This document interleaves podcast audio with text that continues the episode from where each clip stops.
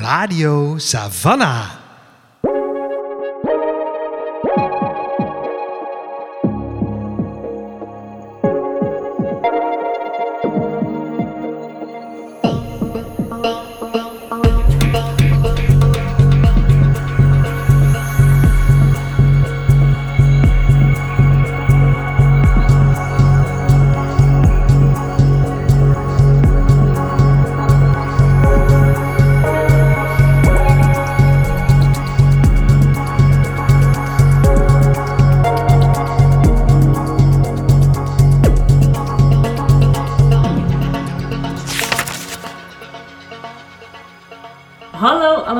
En welkom bij een nieuwe aflevering van Radio Savannah, de podcast van boekwinkel Savannah W.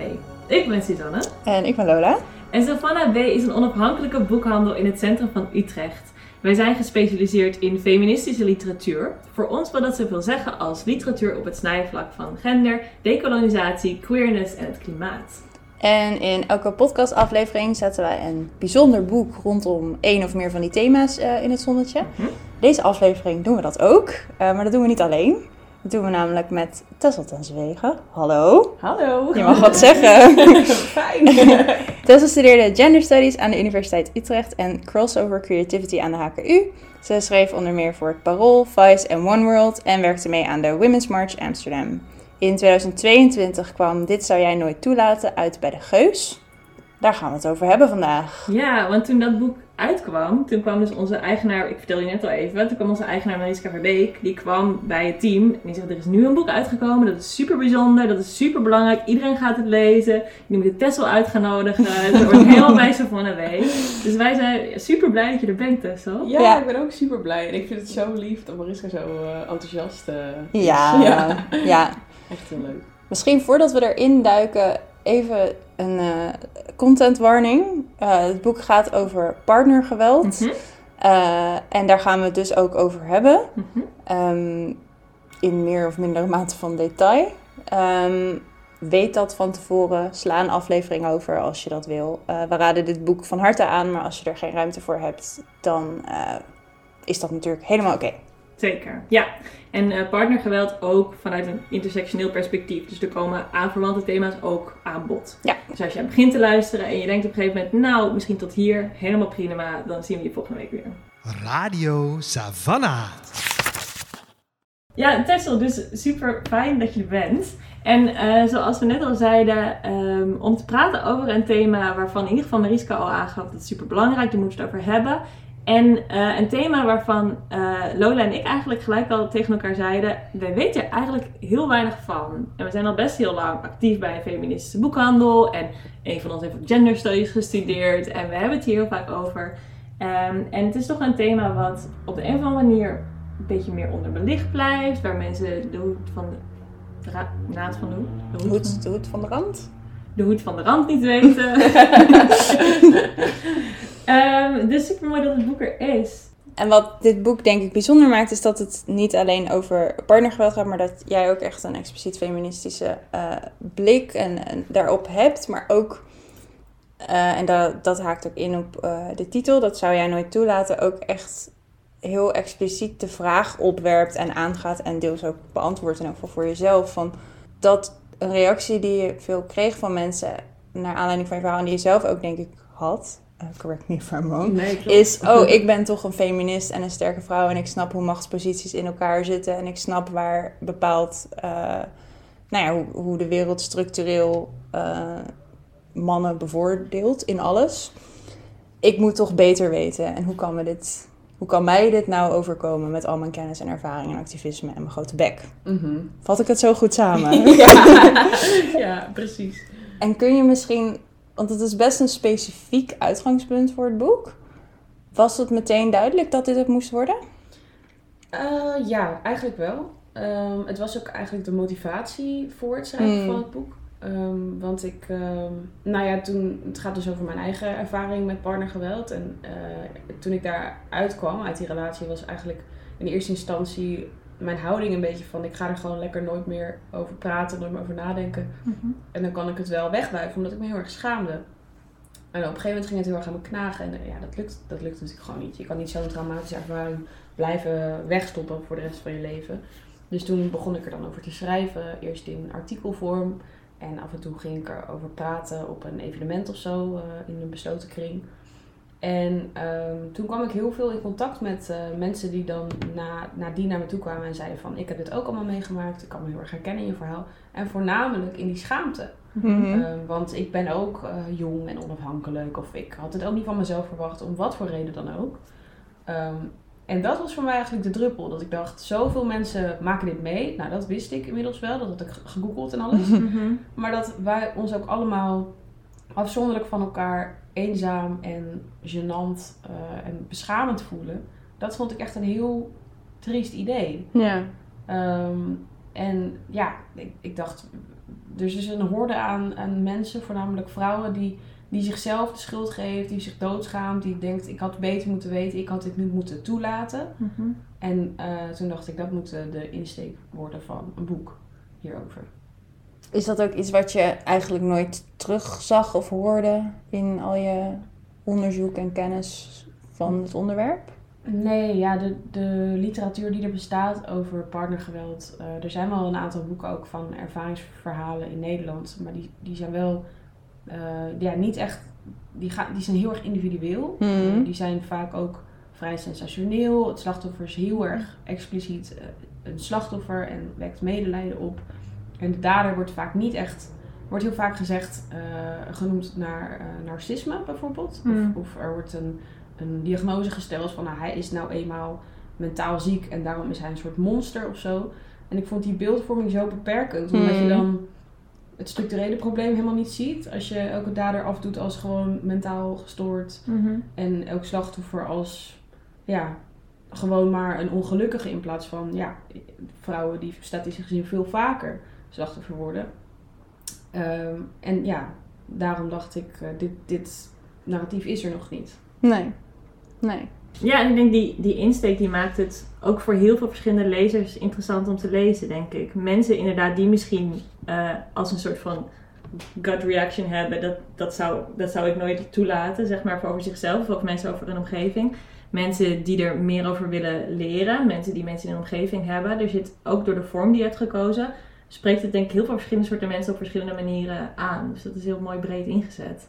Ik hoop het heel erg. Ik merk wel dat, dat ehm, gendergerelateerd geweld wel gewoon een onderwerp is waar voornamelijk vrouwen en non-binaire mensen zich om Ja. kommeren. Ja. Mm. Ehm, dus er zijn, er zijn zeker mannen die dit lezen. En er zijn natuurlijk ook heel veel mannen die slachtoffer zijn van partnergeweld. Mhm. Eh, die zullen dit ook interessant vinden. Maar ik denk dat ehm, ja, de interesse eh, bij het grote publiek voor partnergeweld na de sensatie, zeg maar, dat dat nog best wel gering is. Mhm. Ehm, dus ik hoop heel erg dat, Mhm. dat mijn boek eh, ook die mensen raakt. Maar dat weet ik eigenlijk niet. Je beschrijft in het boek ook dat het doordat je, doordat je in die eh, abusive relatie zat, dat je daardoor ook het gevoel kreeg om een slechte feminist te zijn. Mm. Eh, en dat je een soort van niet alleen jezelf als individu faalde, tussen aanhalingstekens, maar ook the greater good van het, van het Mm, feministische, het feminisme met hoofdletters. Ehm, kun je misschien in een, in, een, in een vogelvlucht vertellen hoe je gedachten zich daarover ontwikkeld hebben? Ja, dat was best wel eh, een tergend traag proces, moet ik zeggen. Want ook nog lang na de relatie. eh, ik heb ook tijdens die relatie natuurlijk ook heel veel gelogen tegen vrienden. Ehm, ja, over mijn grenzen heen gegaan en zo. Dus dat is ook gewoon best wel wat om jezelf voor te vergeven. Mhm. Mm. Ehm, en, en inderdaad, die, die last van het feminisme of een goede feminist willen zijn, dat, dat drukt er nog eens extra bovenop. Maar ja, ehm, het is natuurlijk ook niet eerlijk om jezelf als individu ehm, aan een heel hoge ethische standaard te houden in een ja, structuur die, Mm. die jou in deze panarie schopt, zeg Ja. maar. Het is, het is heel moeilijk om... om kijk, het is, het is te wijten aan heel veel omstandigheden. En aan, aan eh, patriarchale cultuur. En aan eh, mijn eh, zelfvertrouwen destijds. En aan zijn eh, situatie, de, de dader dan. ehm, wat er allemaal is gebeurd. En dat ik dan als 19-jarig meisje Mm. verantwoordelijk was om dat allemaal ja, niet zo uit te laten komen. Dat is natuurlijk niet Ja, en ook nog even het feminisme Ja. eh, naar de wereldtop helpen of zo. Precies, weet ik veel. ja. Ja. Je kan zo'n zo goede feminist zijn eh, als je wil zijn, maar er gebeuren gewoon hele nare dingen in de wereld. Ja. En, dat, en dat kun je niet, eh dat is denk ik misschien ook wel een heel neoliberaal idee bijna van... Dat je het feminisme even gaat uitspelen. ja, als je zelf maar feministisch en, en eh, genoeg bent en sterk genoeg eh, voor jezelf opkomt en op je eigen grenzen let, dan zou je dit nooit overkomen. Hmm. Dat is niet zo. Nee. Dat is gewoon niet zo. Ja.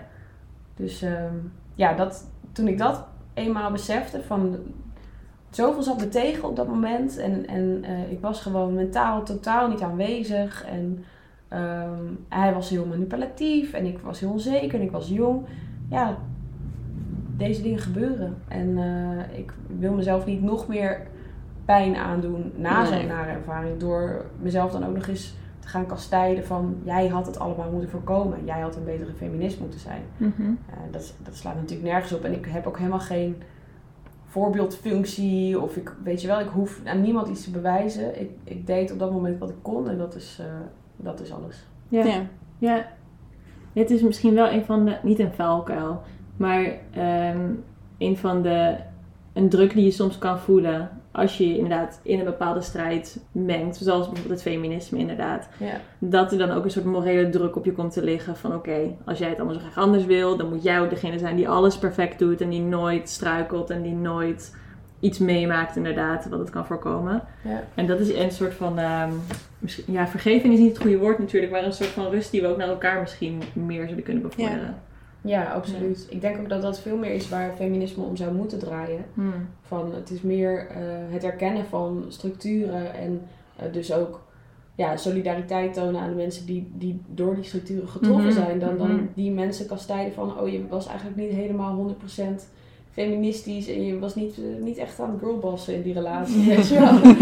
ja, dat slaat natuurlijk Ja. nergens op. Dat is heel erg zo eigen verantwoordelijkheidsfeminisme. Ja. Dat is eigenlijk iets waar ik een beetje van af wil. Ja, Ja, en het houdt heel erg vast aan het idee van dat je als activist altijd permanent aan moet staan en perfect moet zijn en ja, nooit er even uit kan. Zeg maar los van eh, dat je gewoon inderdaad in alles wat je doet 100% perfect activistisch moet zijn. Mhm. Ja, al kan helemaal, al helemaal als je kijkt naar eh, dynamieken in heteroseksuele relaties. Of, of dus Mm. partnergeweld in heteroseksuele relaties. Als je die logica gaat, gaat ja, eh, loslaten op dat soort relaties, dan komt het dus altijd neer op dat de vrouw aan een hogere morele standaard wordt Mm. gehouden dan de man in die relatie. Dat ik het als 19-jarige allemaal beter en feministisch had moeten doen. Terwijl er een 25-jarige man in mijn appartement zat die me terroriseerde. Dat is natuurlijk niet eerlijk. Nee. nee. Het is natuurlijk ook van de zotte dat je als feminisme tegen een patriarchaat en alle bijverschijnselen ervan vecht. En dan als het patriarchaat zich toont, dat het dan weer de schuld is van degene die er slachtoffer Ja. van wordt. Ja. Ja. Terwijl dit is juist wat het feminisme, ja, het tegenovergestelde van wat het feminisme probeert te bereiken. Ja. Ja. Het is een gekke gedachtenkronkel. En daardoor misschien best des te opvallend dat het dat bijvoorbeeld de titel van jouw boek nog steeds zo aanslaat, nog steeds zo, zo aankomt. Mhm. Eh, omdat als je er een heel klein beetje druk op uitoefent, valt het al uit elkaar inderdaad. Ja, Heel mooie titel voor je boek. Ja, ja. dankjewel. Ja. En een heel interessante vorm ook. Ja. eh, waarin je boek hebt gegoten. Ehm, want ehm, we hadden het net al even over. Het is eh, deels wordt het gedreven door jouw, jouw persoonlijke verhaal. eh, jouw persoonlijke ervaringen. waar, je, waar je heel open ook over vertelt door het boek heen. Maar daarnaast laat je ook andere mensen aan het woord. Laat je die hun verhaal vertellen. Vaak vanuit een andere achtergrond of met, met een andere situatie. Met andere complicaties bijvoorbeeld er ook weer bij. En je vult het aan met het, het woordenboekje. Mhm. Waarbij je eh, steeds bepaalde termen uitlegt die relevant zijn voor het verhaal dat je aan het vertellen bent. Dus we dachten nou om voor, eh, het komende, of voor deze podcastaflevering door die verschillende soorten van een verhaal te vertellen, ehm, om het daarin op te hangen. En we wilden eigenlijk beginnen met het woordenboekje. Mag ik nog één vraag ervoor stellen? Ja hoor. Eh, nou, of je misschien, eh, zou je misschien nog kunnen uitleggen waarom je ervoor hebt gekozen om die vormen te mengen met elkaar? Of in Ja. elkaar over te laten vloeien?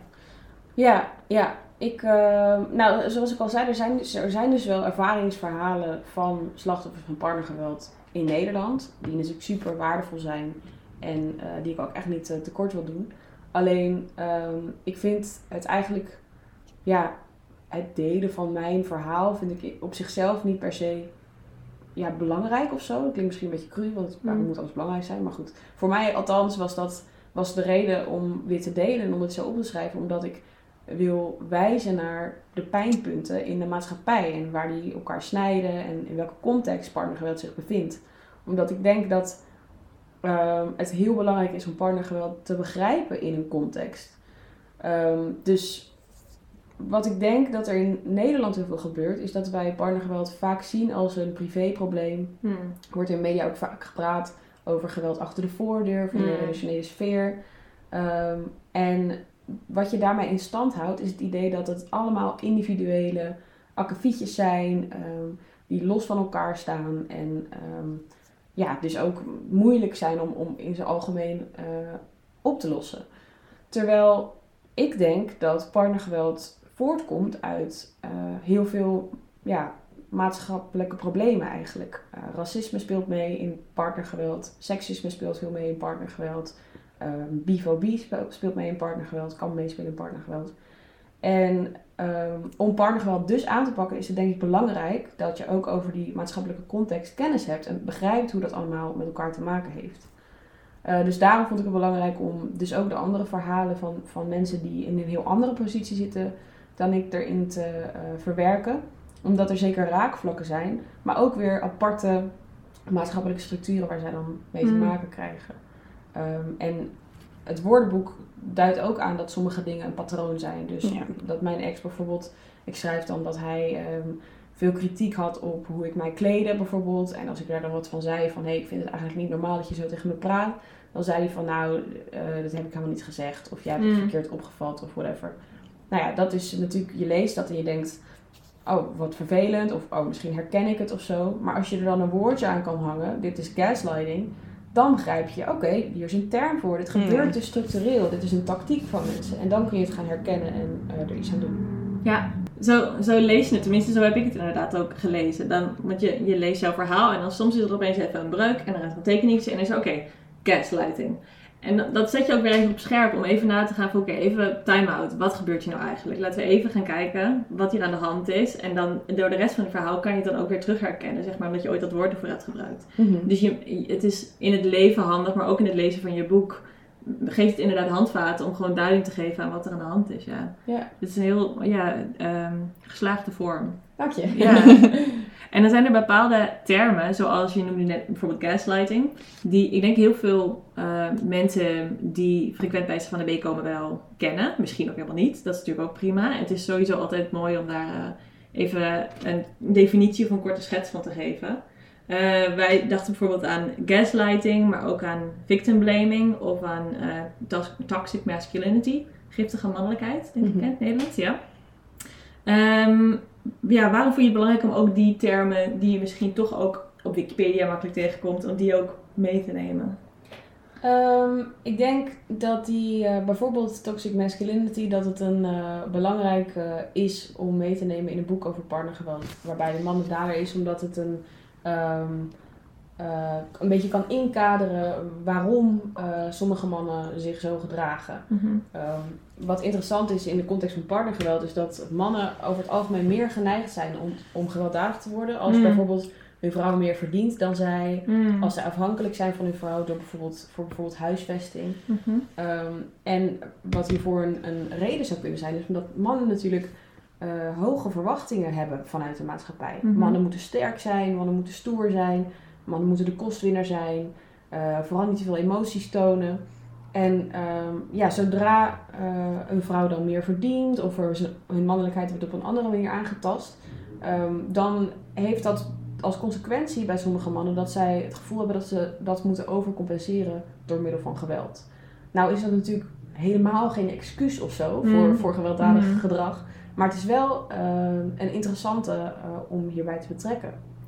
Eh, omdat je het dan beter kan begrijpen. En omdat er dan ook duidelijk wordt eh, in gesprekken over gendernormen en vrouwelijkheid en mannelijkheid. Ja, eh, wat, wat is er, ja, waar doen we dat om? Waar hebben we die Mm. gesprekken over? Waarom is het belangrijk om mannelijkheid onder de loep te nemen? En om dat misschien ehm, te herzien? Omdat het dus geweld tot gevolg kan hebben. Mm, ja. Ja, helder inderdaad. Ja, het, het, het is ook een deel van het, van het idee om dit niet als een individueel of een persoonlijk verhaal te zien. Of tenminste ook als een verhaal dat voortkomt uit bepaalde maatschappelijke structuren. Zoals toxic masculinity daar een van is. Ja, precies. Ja. Ja, en het heeft ook denk ik gewoon heel effectief, een effectief effect. Voor, eh, dat we allemaal even weer helder hebben. Oh ja, dit is hoe we het in dit boek gebruiken. En dit, Ja. dan zitten we met z'n allen neuzen dezelfde kant op en dan Ja. kan je door. ja, precies. Dat is Ja. gewoon wel handig. Dat is wel handig. Ja. Ja. Er kan geen eh, misverstand over bestaan. Ja. Maar wat wel ook interessant was aan het woordenboekje, eh, waar Suzanne en ik het in de voorbereiding hiervan ook even over hadden, was dat er ook echt meerdere termen voorkwamen waar wij nog nooit over hadden gehoord. Mm. Ehm, eh, bijvoorbeeld het Flying Monkeys Ja. effect. Ja. De, de, de, De fly- flying de monkeys. flying monkeys. Ja. Ik wist wel meteen wat het betekende. Ja? Er ging wel een lampje branden bij mij, maar ik laat het aan jou om het verder uit te leggen. Maar er, ja, Ja. de, Ja, flying- meer dingen hebben een naam, zeg maar. Ja, ja, ja, precies. Ja, Flying Monkeys. En ze hebben ook allemaal, dat vond ik ook interessant, dat ze allemaal een soort van eh, eh, een term hebben die geleend is uit een cultureel iets. Mm. ja. Een film of een eh, musical in dit geval. Ja. Ja, ja. Flying Monkeys komt dus eh, van The Wizard of Oz. maar het is een term die heel veel wordt gebruikt in de psychologie. En voornamelijk als we het hebben over narcisme. Ik schuw het woord narcisme een beetje in mijn boek, omdat ik er dus niet zo'n voorstander van ben om daders dan af te doen als mentaal gestoord. Omdat ik denk, ja, het is ten eerste stigmatiserend voor mensen met een mentale ziekte. En ten tweede denk ik, ja, je kan misschien een narcist zijn, maar je bent ook gewoon een volwassene die verantwoordelijk is voor zijn eigen acties. Ehm, maar Flying Monkey wordt dus veel gezegd, verteld over ehm, eh, narcisten, of dus manipulatieve of gewelddadige mensen, hebben vaak een tactiek dat zij de mensen om hun slachtoffer heen proberen te bespelen. Zodat eh, op het moment dat een slachtoffer misschien naar buiten treedt en zegt van hé, hey, hier gebeurt iets wat niet helemaal oké is, ehm, dat er geen grote kans is dat, ehm, dat het slachtoffer wordt geloofd.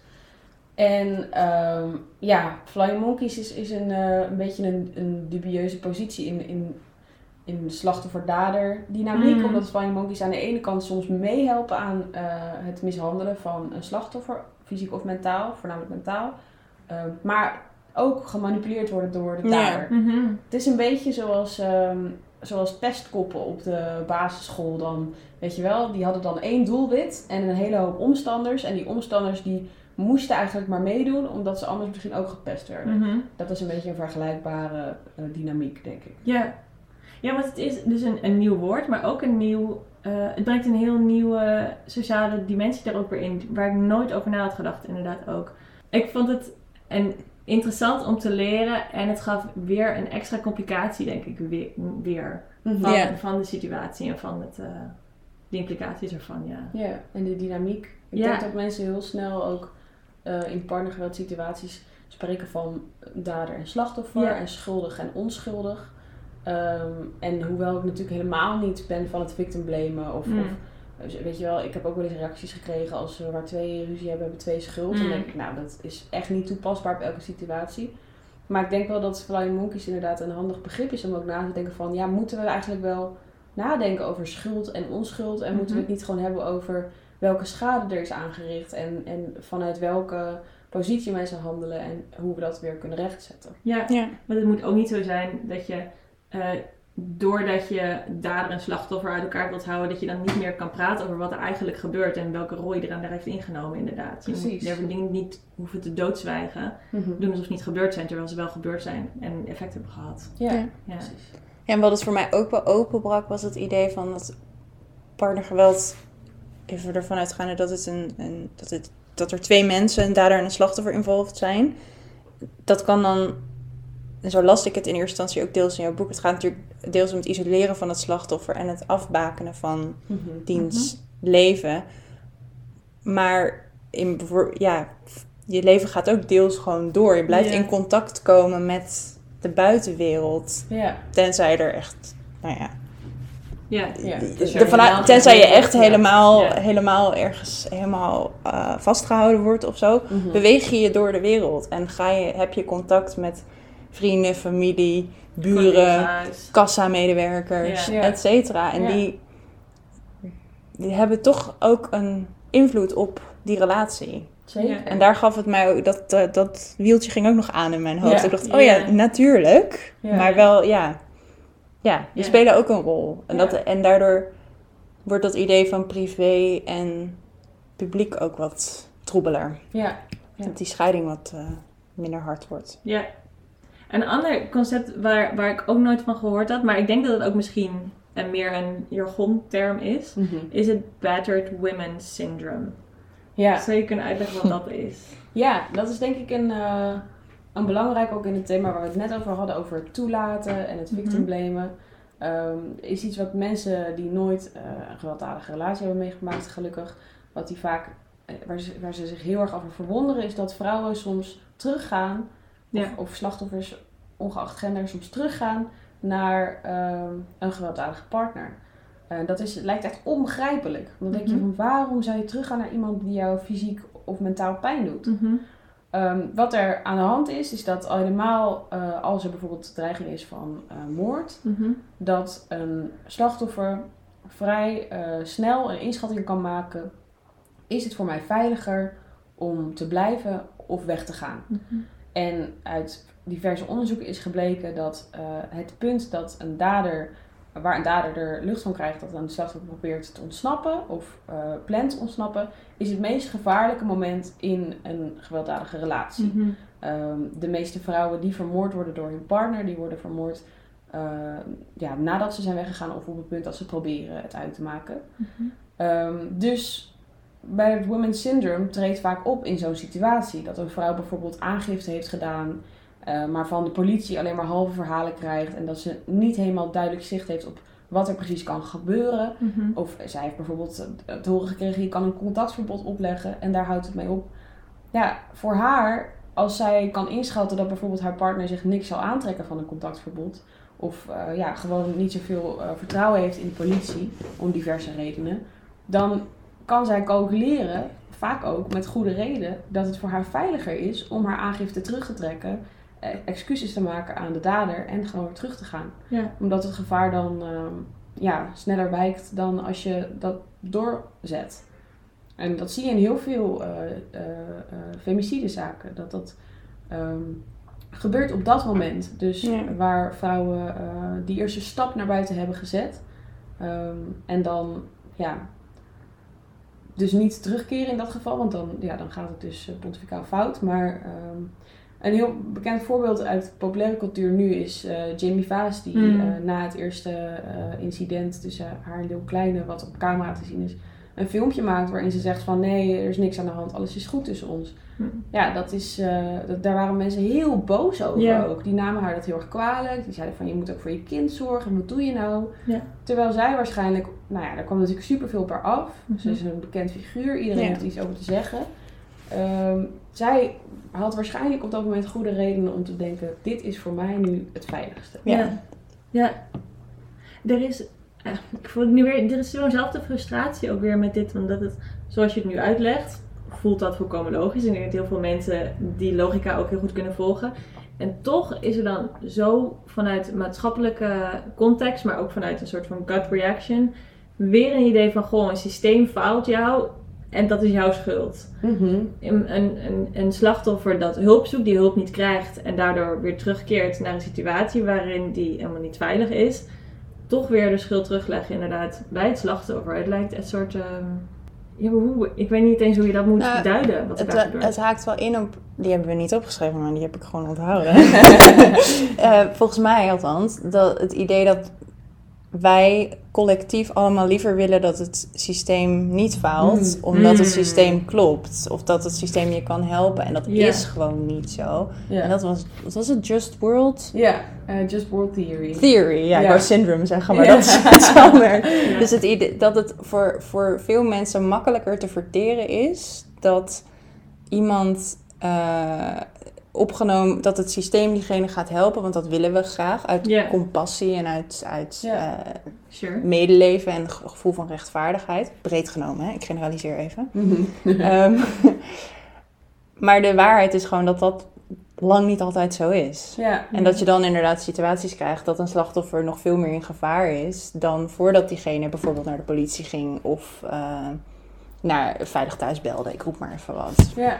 Maar je zou toch zeggen dat, dat als feministen, om het even dichter bij huis te halen, we toch met z'n allen al aanvaard hebben dat die Just World Theory niet klopt.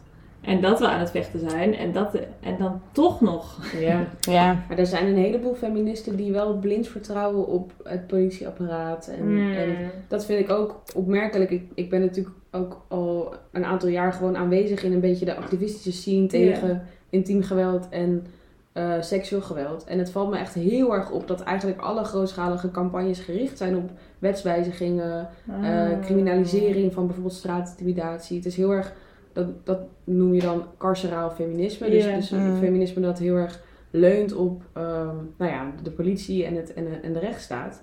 Terwijl dat ten eerste natuurlijk niet inclusief is, want Mhm. communities van kleur hebben natuurlijk niet de allerbeste relatie met de politie. En ook ja, witte vrouwen krijgen ook regelmatig met victim blaming te maken van de politie. Maar toch lijkt dat wel de mainstream in Nederland te zijn. Van Mm. we willen ehm, bijvoorbeeld de grootste eh, winsten van de laatste tijd zijn eh, de verandering van de verkrachtingwet. ehm, Mm. dus ze zijn nu dus aan het lobbyen voor een criminalisering van straatintimidatie. Ja, ik weet eigenlijk niet hoe ik me daarover voel als feminist. Of ik daar nou helemaal achter sta. Ja. Nee, dat kan ik me heel goed voorstellen. Omdat ik denk van... ehm, ten eerste is, is dat gewoon niet voor iedereen even veilig. Mhm. Ehm, en ten tweede denk ik van... Ja, dan krijg je steeds meer dit soort houdingen, denk ik. Van, van ehm, eh, je kan toch gewoon naar de politie, dus waarom doe je dat niet? Ja. Terwijl, ja, dat is dus niet aan de orde. Ja. Ook Ja. al, ook al zou de politie wel eh, heel goed te werk gaan en zouden ze geen steken laten vallen, ehm, dan ja, is het alsnog aan de vrouw om het beste te, of aan het slachtoffer om het beste te eh, bedenken van wanneer ben ik veilig en wanneer niet. Ja. Dus ehm, ja, ik denk dat je altijd het tempo van de slachtoffer aan moet houden. Ook al zou de politie eh, geen eh, steken laten vallen en, en wel consistent zijn in het handhaven van contactverboden en ehm, wel verwelkomend zijn naar elke etniciteit. Ja. Ik denk in Nederland hebben we echt een prachtig netwerk aan eh Blijf van mijn lijfhuizen Mm. en lokale organisaties die Mm. zich inzetten voor partnergeweld. En ik heb daar veel meer vertrouwen in dan ehm, politie. Mhm. Ik heb ook een stukje geschreven in mijn boek over de dood van uh, Humaira. Mhm. Ehm, wat ook nou, een ontzettende trieste zaak is. Die is echt zo vaak naar de politie gestapt. Heeft, heeft eh, volgens mij twee tot drie keer een contactverbod opgelegd. En na haar dood werd er in de politie-app naar elkaar gestuurd weer een Turk minder. Mm. Dan denk ik, hoe is dit de politie waar wij ons veilig bij moeten voelen als eh, ja, slachtoffers van partnergeweld, als vrouwen, als vrouwen van kleur, Ja. ehm, als trans mensen, weet je wel. Het lijkt me gewoon heel ehm, onlogisch om daar onze hoop op te gaan vestigen Ja. als feministen. Ja, eens. Werk aan de winkel. Ja. Denk ik. Ja, wel, ja.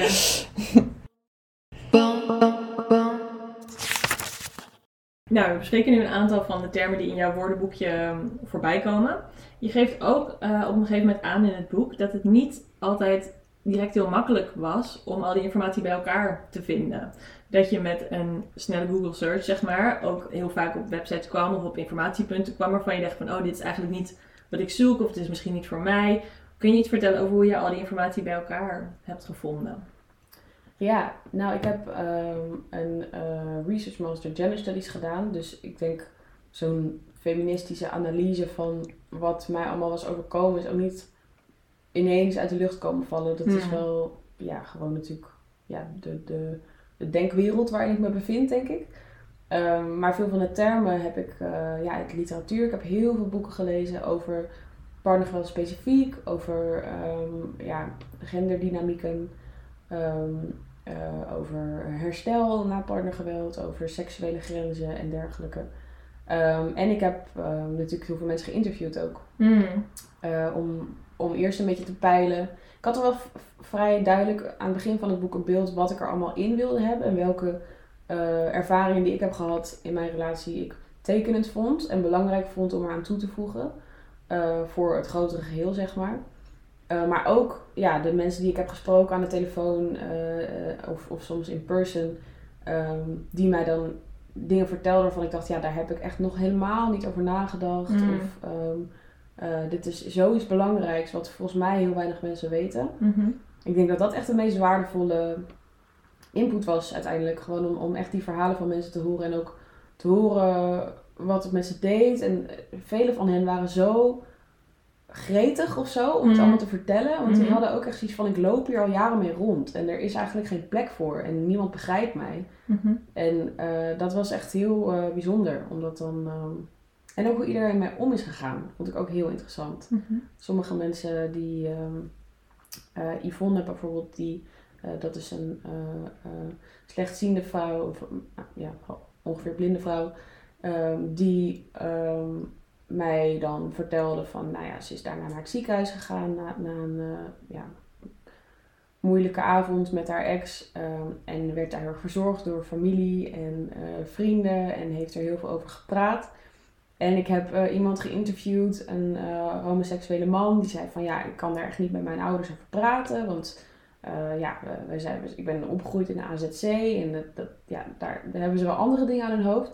Maar die heeft dan met eh, psychedelica, eh, die zegt dat hij daardoor helemaal is gene- genezen en zo. En dat vond ik ook wel bijzonder om te zien, dat iedereen vanuit een heel andere hoek komt en iedereen het ook op een andere manier weer een plekje geeft of zo. Ja. Ja, dat is mooi. En dat is ook een belangrijke functie, denk ik, van die verhalen van anderen die je tussendoor verweeft. Of niet Mhm. verweeft, die, die presenteer je tussen jouw eigen verhaal door. Ja.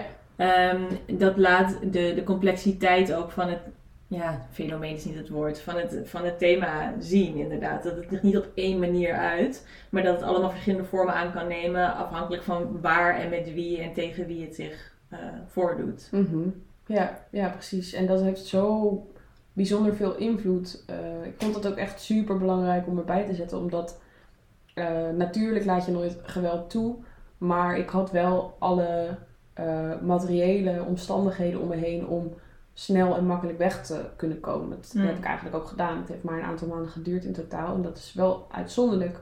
Meestal duren gewelddadige relaties veel langer. Ehm, maar daarom dacht ik ook, het is belangrijk dat mensen ook weten dat mijn verhaal niet exemplarisch is voor Mm, partnergeweld of mm. zo. Dat is het totaal niet het geval namelijk. In Nederland zijn de meeste slachtoffers van partnergeweld Turkse vrouwen.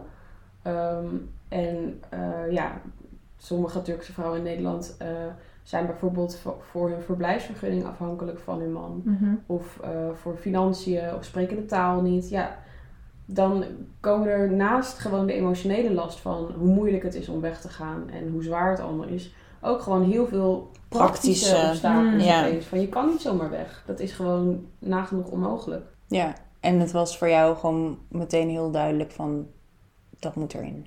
Niet per se dit specifiek verhaal van die Turkse vrouwen, maar er moet meer in dan alleen maar Ja, ja, ja. mijn eigen verhaal. Sowieso, omdat het, ja, dat is gewoon hoe media een beetje werken, denk Mm. ik. dat eh, dat eh, is dan wel iets wat ik heb opgepikt eh, als journalist. Dat het gewoon is van. Als één verhaal naar buiten komt over een sociaal onderwerp, dan is dat opeens de maatstaaf of zo. Mm. Terwijl juist bij partnergeweld denk ik, het is zo belangrijk dat er ook oog is voor zoveel praktische dingen die kunnen meespelen. Ehm, dat, ja, ik wil niet dat, dat, dat eh, ik dan als soort van, ja, posterchild word van partnergeweld. Terwijl gewoon mijn, mijn ervaring totaal niet eh, representatief is voor de verhalen van anderen. Mhm. Ja. Maar het zorgt daarna ook wel weer inderdaad dat eh, er weer andere dimensies eh, in het boek ter sprake komen. Waar ik dan dus ook weer met mijn niet-wetendheid nooit over na had gedacht. Dus je zegt bepaalde links tussen situaties. Een van de, de, de contexten die je bijvoorbeeld ook oproept is de relatie tussen discriminatie op de arbeidsmarkt en partnergeweld. Wat, ehm, je kondigde volgens mij ook al aan van, goh, ik ga dat op een gegeven moment in het boek ook uitleggen. En toen heb ik ook nog eens even zitten denken van, maar hoe dan? En toen je het helemaal uitlegt inderdaad, toen voelde dat opeens heel logisch. Mhm. Kan je uitleggen wat die relatie bijvoorbeeld kan kunnen zijn? Ja, ja, ik noemde net al even eh, toxic masculinity of Mhm. giftige mannelijkheid. Ehm, dus die druk die er op mannen ligt om de, eh, de, de kostwinnaar te zijn en ehm, eh, ja, mannelijk en provider zijn altijd.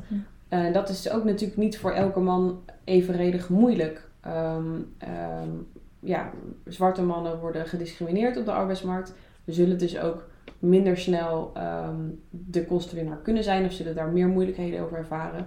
En nou, dat is een van de redenen waarom ehm partnergeweld voorkomt in eh, zwarte gezinnen.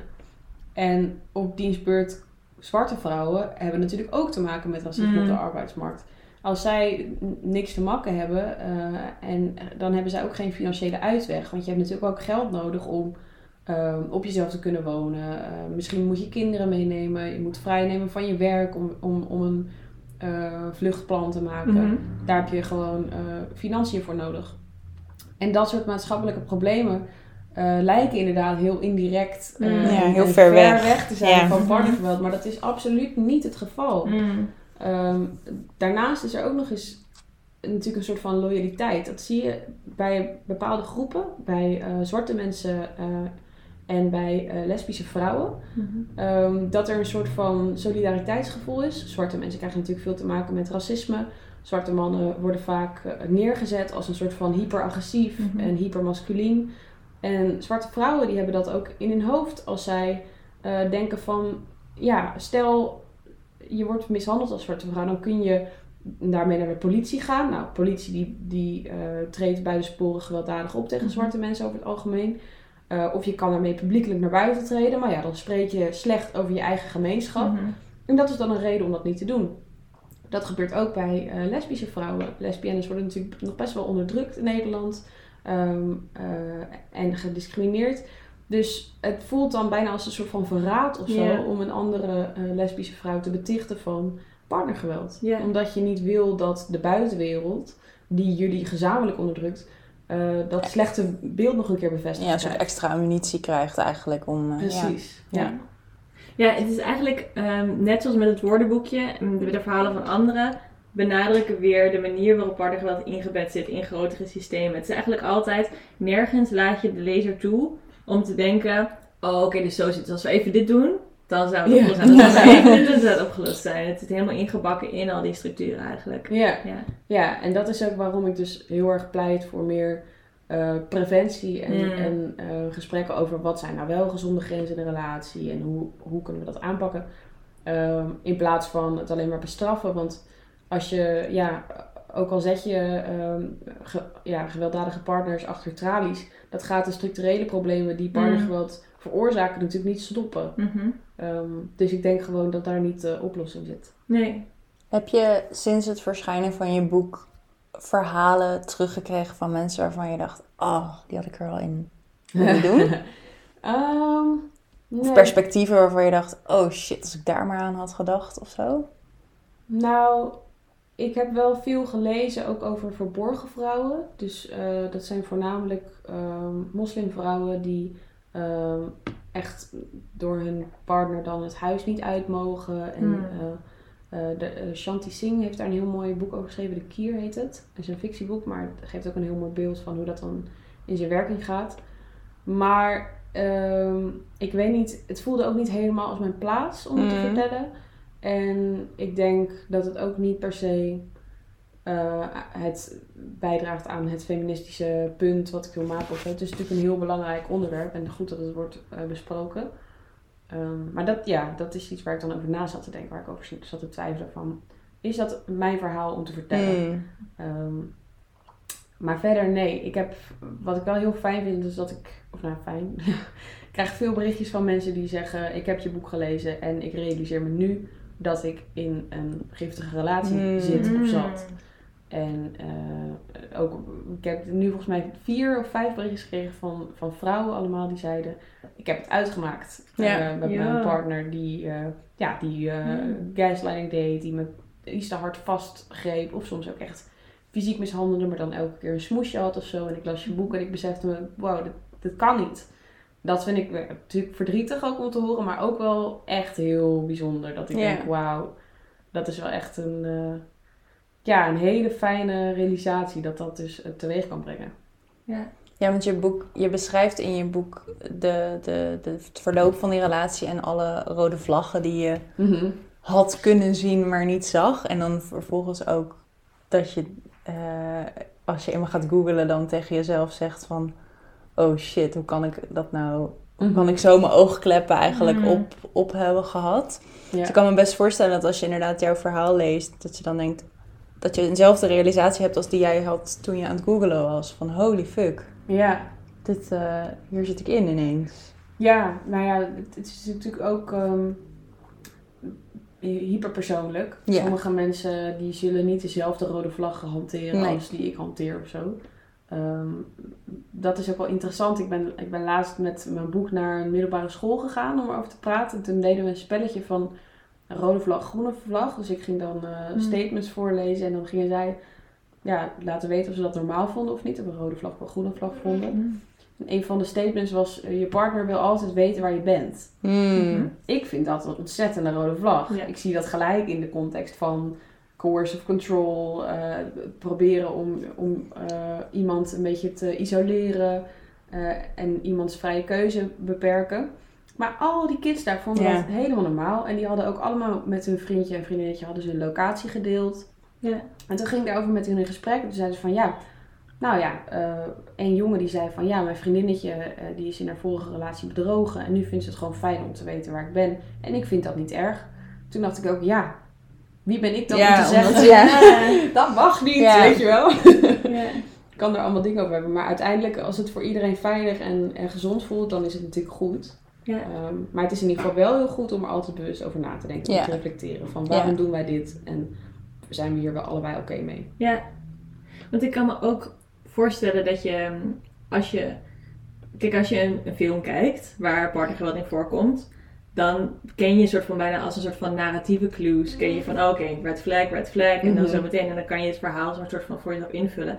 Maar je leven, je kijkt niet altijd naar je leven alsof het een verhaal is natuurlijk, omdat, nou, het is in principe geen verhaal, het is je leven. ja. Dus ik kan me ook voorstellen dat we dit achteraf terugkijken en dat je het construeert op, op een, of dat je dan een verhaal herkent waar als je er middenin zit dat je het niet zo inderdaad beleeft. En dan is het, het hebben van zo'n soort boek, zeg maar, waarin dingen expliciet benoemd worden, denk ik heel belangrijk. Of Dat kan inderdaad, ik kan me voorstellen dat het effect heeft wat bijvoorbeeld de ehm, persoon die je dat laten weten dat heeft gehad. Je geeft ook in jezelf, waar je mee begint in het boek, is het, het belang van representatie. Dus je begint te vertellen met de, de, zeg maar de romcoms en de, de verhalen die daarin verteld werden, inderdaad. En dat je dan ook bewust of onbewust dat toe gaat passen op je eigen leven. Mhm. En ehm, nu heb je natuurlijk zelf een ander soort verhaal toegevoegd daaraan. Kan je daar wat over vertellen? Was dat een bewuste keuze? Dat je denkt van ik, ben, ik kende die verhalen en nu ga ik een ander verhaal schrijven? Of vul ik dat nu voor je in? Dat is eigenlijk niet wat aan de hand was. Ehm, nou, het heeft wel inderdaad met elkaar te maken. Dat ik wel zo was van ik wil ehm, in ieder geval zo eerlijk mogelijke representatie van Hmm. hoe zo'n relatie eruit kan zien. Eh, dus ook ehm, de dingen waarin ik dan tussen aanhalingstekens schuldig was. Of weet je wel, ik heb ook alle onrijde details erin gelaten. Dat ik niet meer helemaal zeker wist of ik wel nee had gezegd. Eh, dat ik loog tegen mijn vrienden en dat soort dingen. Ehm, en ik denk dat dat belangrijk is om te laten zien dat, dat liefde en, en partnergeweld heel erg rommelig kan zijn. Mm. En dat je fouten maakt. En ehm, ja, maar dat het gewoon, ik denk het, het, het hoofddoel van het boek is dat het belangrijk is om op die dingen te reflecteren. En dat zie je natuurlijk niet in die romcom ehm, Nee. verhalen. Daar, Nee. daar wordt eh, eigenlijk heel erg giftig gedrag. Ehm, dus ik schrijf dan over een scène in de notebook waarin eh, de hoofdpersonage eigenlijk wordt ehm gechanteerd om Mhm. met iemand op date te gaan. Wat dan wordt gepresenteerd als iets romantisch. En dat wil ik ontmoedigen. Mhm. Eh, dus ik zeg niet dit is goed en dit is fout en ik heb het allemaal zo goed gedaan en die, hij is een gemeenerd. Maar ik zeg dit gebeurt er en nu reflecteer ik daar zo op. Dus kijk ook in je eigen relatie van wat gebeurt er eigenlijk en hoe voel ik me daarover en welke dynamiek hebben we. Mhm. Ehm, en ik denk dat dat wel een belangrijke toevoeging is inderdaad. Zo'n zo'n een representatie gewoon van alle complexiteit die een relatie kan hebben. Mhm. En de, ver- de verliefdheid erbij. En, en Mhm. dat het weg hebt. En dat je je geïntimideerd voelt en zo. Maar dat het belangrijk is om altijd bij jezelf na te gaan. Is dit oké? Vind ik Mhm. dit oké? Voel ik me veilig? Is het gezond? Ja. En moet je dan tijdens het schrijven ook telkens heel actief oppassen dat je niet in bepaalde narratieve structuren bijvoorbeeld valt? En dat als partnergeweld voorkomt in, in ehm, zeg maar meer gangbare mediaverhalen, eh, dan wordt het natuurlijk vaak heel gesensationaliseerd en dan Mhm. heeft het een bepaalde functie in een verhaal vaak. Moet je er dan, als je zo'n boek daar zelf over schrijft en je wilt er eigenlijk een ander verhaal vertellen, moet je er dan net voor oppassen dat je niet daarin valt of gaat dat vanzelf voor jou? Ehm, ik denk dat het wel ook enigszins vanzelf ging. Ik was ik weet niet of dat gewoon is hoe ik ben. Of dat het ook gewoon was omdat ik natuurlijk heel graag wilde dat hij gewoon wel lief werd. En wel gewoon dat ik hem kon begrijpen en Mm. dergelijke. Maar dat heb ik ook wel, ja, dat heb ik in de relatie heel veel gedaan. Dat ik hem probeerde te humaniseren en Mhm. probeerde te begrijpen waar het allemaal vandaan kwam. En dan had ik dan nog het idee dat ik het dan kon verhelpen of zo. Mm. eh, als eh, naïef 19-jarig meisje. Nou, dat moet je in ieder geval nooit doen. Mensen fixen. Ehm, maar ehm, eh, ja, ik denk dat ik in het boek ook wel het heel belangrijk vond om te laten zien van natuurlijk is hij schuldig aan wat hij heeft gedaan en is hij een dader en mag iedereen die het boek leest daar heel boos om zijn. Maar hij is ook een beetje zielig en hij weet ook niet wat hij wil en hij weet ook niet wat hij moet en hij kan niet over zijn emoties praten. Hij heeft een moeilijke jeugd gehad. Allemaal geen excuses, Mhm. maar ehm, ik wilde die rafelrandjes er wel aan laten Mhm. Ja. omdat ik niet inderdaad wilde dat het een sensationeel verhaal werd of oh wat ben ik zielig of zo. Mhm. Eh, ik heb daar gewoon niks aan. Ik denk niet dat dat soort verhalen de wereld eh, beter maken en eh, iets toevoegen aan, eh, ja, aan het debat. Mm. Ja. Had je voorbeelden van boeken waarvan je dacht, zoiets wil ik ongeveer schrijven? Of deze toon zou ik eventueel aan willen slaan? Nee, dat niet echt. Ik ben wel heel erg fan van Bell Hooks. Mhm. Ehm, en ik heb eh, haar boek All About Love gelezen. En dat vond ik echt, eh, dat heeft echt heel erg mijn ogen geopend. Omdat ik wel al bekend was met feminisme en ehm, ja, de, de dingen die daar aan de kaak werden gesteld, waar ik weet van, het was heel erg eh, arbeidsomstandigheden, ehm slutshaming, Mm. eh, het schoonheidsideaal en ja, een beetje meer dat soort dingen, abortusrecht. Maar wel Hoeks heeft me laten inzien dat de liefde eh, en heteroseksuele relaties per definitie ook een beetje een feministisch strijdtoneel zijn. Mm. Eh het klinkt heel heftig. Het is natuurlijk niet alsof je altijd, als je een vriend hebt, dat je altijd maar moet zorgen van eh, niet over mijn grenzen Mm. gaan. We moeten Mm. wel heel eh, eh, egalitair zijn en zo. Natuurlijk niet. Maar ehm, ja, zo, dat, dat wordt natuurlijk uitvergroot in een de, de, de, het patriarchaat en genderdynamieken die er zijn, die, die houden niet op te bestaan in een relatie. Mhm. Mhm. Ehm, en hoe zij daarop reflecteert en eh, daarmee aan de haal gaat. En vooral ook heel erg ehm, pleit voor eh, ja, een commitment aan het beter doen. Dus niet, sommige feministen hebben zoiets van, ja, mannen zijn niet te vertrouwen, dus Ja. eh, doei. Ja. Of dus je moet dit en dit en dit niet pikken. Mhm. Zij ehm, wil juist mannen ook blijven humaniseren. Heeft een heel mooi boek geschreven, eh, The Will to Change. Mhm. Ehm, en ehm, ja, dat vind ik gewoon echt prachtig. Dat ze, dat ze wel ook heel radicaal eh, analyseert wat er allemaal het steek is, zeg maar, in een romantische relatie. Qua genderdynamieken en ehm, ja, feministische struggles.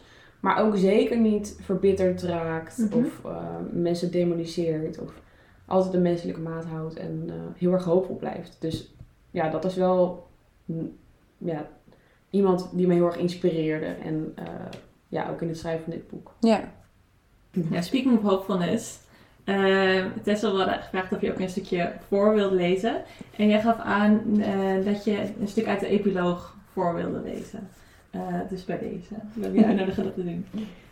Leuk. In San Francisco is november een zonnige maand. Mijn huisgenoot Julia is jarig en we maken samen een wandeling door de Mission. Een wijk die bestaat uit ellenlange geometrische straten en een ruim groen park. Mission Dolores Park, gelegen op een steile helling, is het mooiste park dat ik ken. Het gras kietelt tussen mijn tenen. Mijn huisgenoot leest een studieboek over communicatie en ik scroll door mijn telefoon en kijk naar foto's in Amsterdam, omdat ik mijn vrienden vandaag ontzettend mis.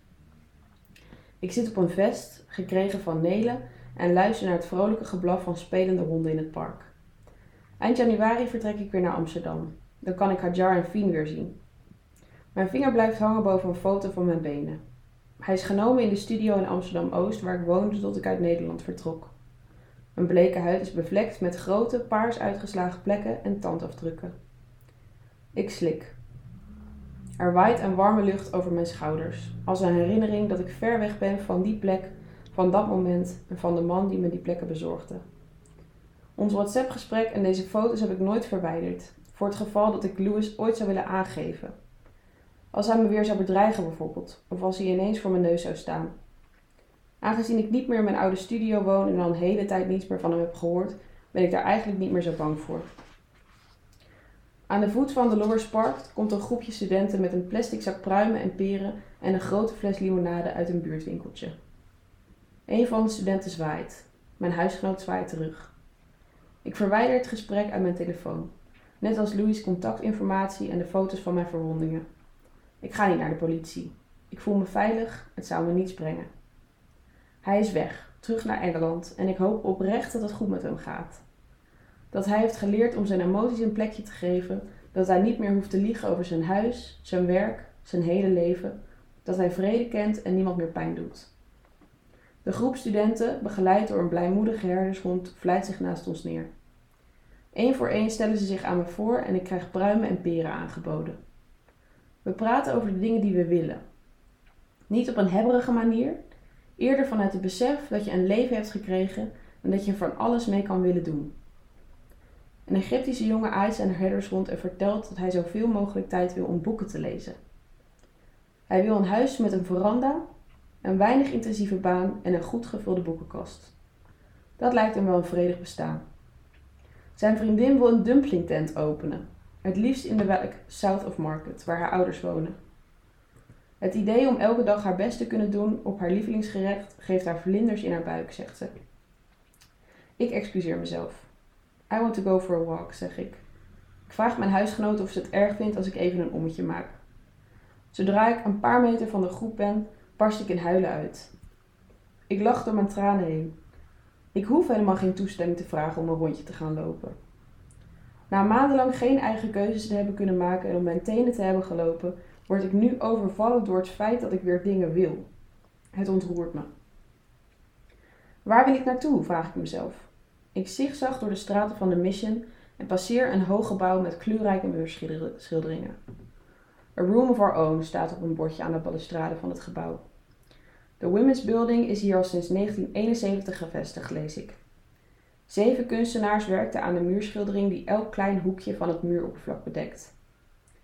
Op de muren van het gebouw staat een rond vrouwenhoofd afgebeeld. Ze kijkt neer op de passerende mensen op 18th Street. In haar handen draagt ze figuren, godinnen, wat zijn het?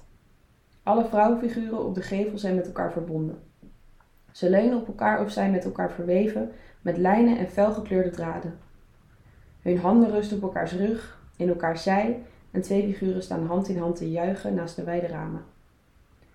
Wat wil ik doen? vraag ik mezelf. Niet alleen hoef ik niet om toestemming te vragen, ook lijkt het alsof oordelen me deze middag even niet meer kunnen raken. Ik kan domme vragen stellen zonder angst dat Louise me stupide vindt. Ik draag mijn gezicht bloot, zonder make-up. De wind blaast tegen mijn bolle wangen. Ik doe lekker kinderachtig, want ik ben ook nog maar twintig. Ik wil weer kunnen dansen zonder dat zijn stinkadem in mijn oor fluistert dat ik er niet uitzie. Ik wil zo graag weer durven dansen, zelfs als er mensen kijken. Waar heb ik zin in? vraag ik mezelf. Ik ben mezelf dankbaar dat ik hier nu ben. Dat ik ben weggegaan uit Amsterdam, maar vooral dat ik nog leef. Het is toch een wonder eigenlijk dat je steeds weer een nieuwe dag hebt waarin je kunt wandelen. Je kunt elke afslag nemen die je hartje begeert, een soepdumpling eten of je armen uitstrekken en genieten van het gevoel van je lichaam dat ruimte inneemt. Het was niet mijn schuld dat ik zo lang niet van het leven heb kunnen genieten. Toch fluister ik sorry tegen mijn lichaam en beloof ik haar om, nooit, om niemand ooit meer in de weg te laten staan van ons geluk. Ik ben dankbaar voor het leven en ik ben dankbaar dat ik nog steeds hetzelfde meisje ben dat zit te zwijmelen bij romantiek op het witte doek, dat nachtenlang de vlingers in mijn buik aan het overpijnzen is, dat romantiek nastreeft, zelfs als het lastig, ingewikkeld of lelijk is. Ondanks alle pijn, angst en radicale literatuur ben ik nog steeds verliefd op de liefde. Dat heeft hij me niet kunnen afpakken. Dankjewel. Alsjeblieft.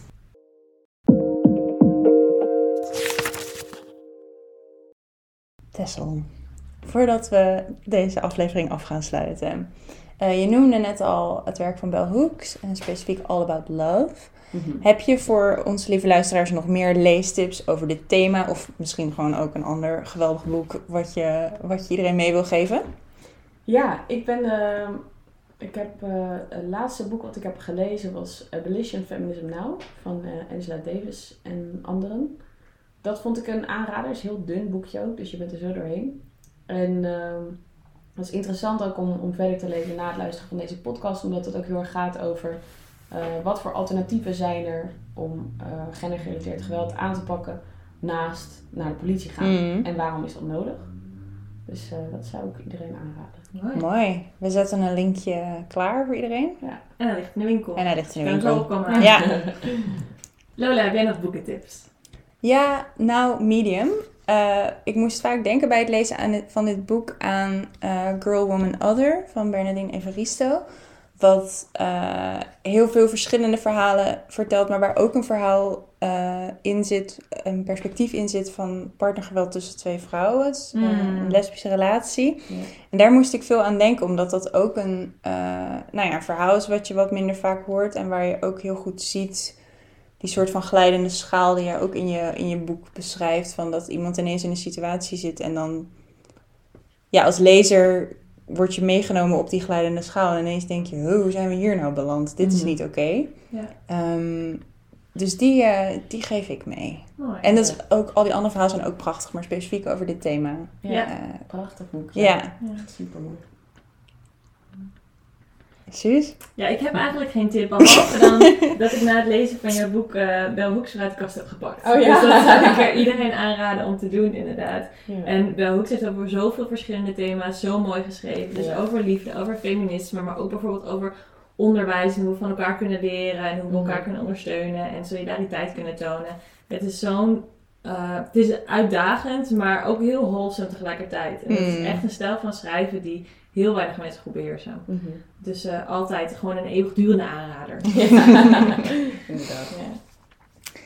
Eh, nu is iedereen natuurlijk fan van jou geworden.